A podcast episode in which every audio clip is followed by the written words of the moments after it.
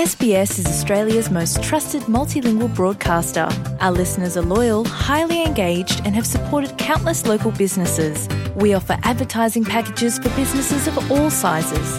Our experienced sales team will guide you through the process of owning a great campaign. Bring your own ad or have our production team make you something in one of our 68 languages. Start the conversation with your new audience today. Email sales at sbs.com.au.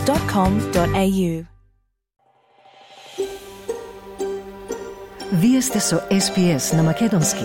Слушнете повеќе прилози на sps.com.au козацрта Macedonian. Слушате прилог подготвен од програмата на македонски јазик на SPS. Со вас се Маргарита Василева. Организациите за застапување на семено насилство повикуваат на зголемена свест поради зголемениот број на смртните случаи поврзани со злоупотреба на партнери. Тоа доаѓа од како полицијата на Нов Јужен Велс објави дека добива 140.000 повици во врска со пражањата за семејно насилство секоја година. На оваа тема известува Кјара Хейн за SBS News. SBS. SBS. SBS. SBS. SBS. SBS Radio. Од 5 јули, три жени наводно биле убиени од нивните партнери во Австралија. Кристин Ракич, Амира Мунје и трета жена од северната територија, чие име не е објавено. Во тек е истрага за убиство по смртта на Кристин Ракич во Сиднеј, во како што вели полицијата сомнителен инцидент на семејно насилство. Таа донесе налог за приведување насилство, Apprehended Violence Order, против незиниот поранешен сопруг – 30 годишната мајка на три деца, Амира Муње, наводно била убиена од незиниот отуѓен сопруг во Сиднеј и тој е обвинет за незиното убиство. И во северната територија, 46 годишен маж е обвинет за наводно убиство на неговиот партнер во оддалечената заедница на Джилкминген. Директорката на Националната алијанса за безбедност на жените, Катрин Берни, вели дека семејното насилство во Австралија е национална криза. Госпогицата Берни вели веќе има скоро 26 убиства и дека треба да се справиме со националната криза. Според неа, за време на празничните периоди, спортските финалиња, училишните распусти, стапката на семејното насилство се зголемува. Различните видови на притисоци создаваат перфектни услови за ситуации кои веќе може да бидат напнати вклучувајќи промени во рутината, вели Берни. They're only how many weeks into um, into the year, and we've already had you know nearly 26 murders. I mean, it's just terrible, and we need to actually address the national crisis that's taking place. Um, we know that during either uh, holiday periods, uh, sporting finals, school holidays, um, rates of domestic violence increase.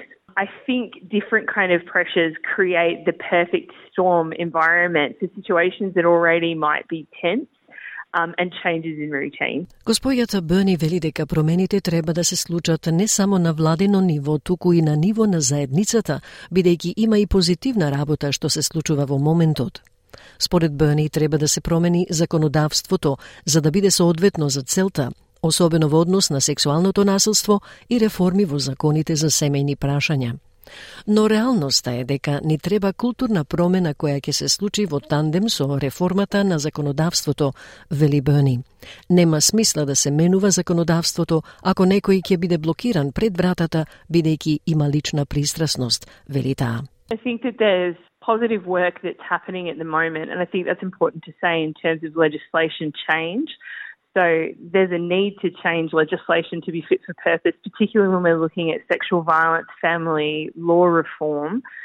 But the reality is we need a cultural change piece to happen in tandem with legislation reform. That you know, there's no point in changing legislation if someone's going to be blocked at the gate because of a personal bias. Податоците од Бирото за статистика покажуваат дека во периодот 2021-2022 година една од четири жени и еден од осум мажи пријавиле дека доживеале насилство од интимен партнер или член на семејството. Полициската комесарка на Нов Јужен Велс Карен Уеб го означи проблемот како епидемија на семено насилство, велики дека полицијата во државата одговорила на речиси 400 повици за семено насилство дневно во текот на изминатите 12 месеци. Независниот пратеник Дай Ли ги критикуваше полициските сили во изјава за програмата на Nine News, велики дека нема доволно ресурси за жените и семејствата. Ли вели незиното мислење е дека полициските сили се уште се недоволно опремени да се справат со ова.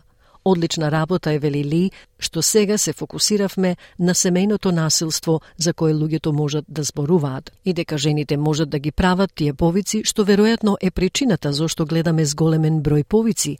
Таа додава дека нема ресурси за жените да го напуштат домот при семејно насилство – Има многу малку за солништа, вели та, и потенцира дека владата мора да се вклучи за да ја обезбеди оваа поддршка за жените. From my perspective, the police force is still ill equipped to deal with this. Uh, there's been obviously the great thing is that we have now focused on domestic violence, so people can talk about it, and women can make those calls. So therefore, that's probably why we're sitting, seeing an increasing number of calls. Mm. Um, but it's really our community. Um, we don't have um, uh, resources for women to leave uh, a, a, domestic violence household. Mm. Uh, we have very few of those refuges, and we need to do something more in terms of the government really has to step in to provide this support for women. Извештајот, објавен во 2021 година од Центарот за миграција и вклучување на Универзитетот Монаш, покажа дека една третина од жените мигранти и бегалки доживеале домашно и семејно насилство. Извештајот исто така откри дека лицата на привремени визи постојано пријавуваат повисоки нивоа на домашно и семено насилство, вклучително и контролирачко однесување. Таранг Чаула е застапник против насилството и комисионер во Викториската мултикултурна комисија. Чаула вели жртвите не може да пристапат до услугите за поддршка, Ако зборуваат за семејна злоупотреба и семејно насилство, честопати се минимизирани или не им веруваат од мејнстрим заедницата. They're unable to access support services. If they speak out about domestic abuse and family violence, they're often uh, minimized or not believed um, by the mainstream community. There's also a really difficult situation that they find themselves in, which is they become representative of entire communities. And the men uh, who in those communities who are abusers also become representative of entire communities, which creates this stigma and double bind against speaking out because they don't want further stereotyping uh, and sort of racism directed at those communities because of the men in those communities who choose to be violent. Шефот на организацијата Respect Victoria, Емили Макуаја, вели дека може да се постигне иднина во која насилството е минимизирано. Иднина во која насловите во печатот за жени кои се убиваат секоја недела не постојат. Знаеме, вели Мегуа, дека иднина во која врските се безбедни и еднакви е изводлива и каде жените не мора да се плашат на улица или во нивните домови. Магуа вели тоа започнува со водење на вистина отворени разговори за половите и стереотипите околу согласноста и за тоа како изгледаат здрави, безбедни и правечни односи. Future where headlines of women being killed every week doesn't exist is possible. We know that a, a future where relationships are safe and equal is feasible and where women don't have to feel like they have to be scared on the street or in their homes. And I think what that starts with is us having really open conversations about gender and stereotypes, about consent, um, uh, and about what healthy and safe and equitable relationships look like. Ако вие или некој што го познавате сакате да зборувате за домашно или семено насилство, јавете се на 1800 Респект на број 1800 737 732 или јавете се на Lifeline на 13 11 14. Во итен случај јавете се на 000.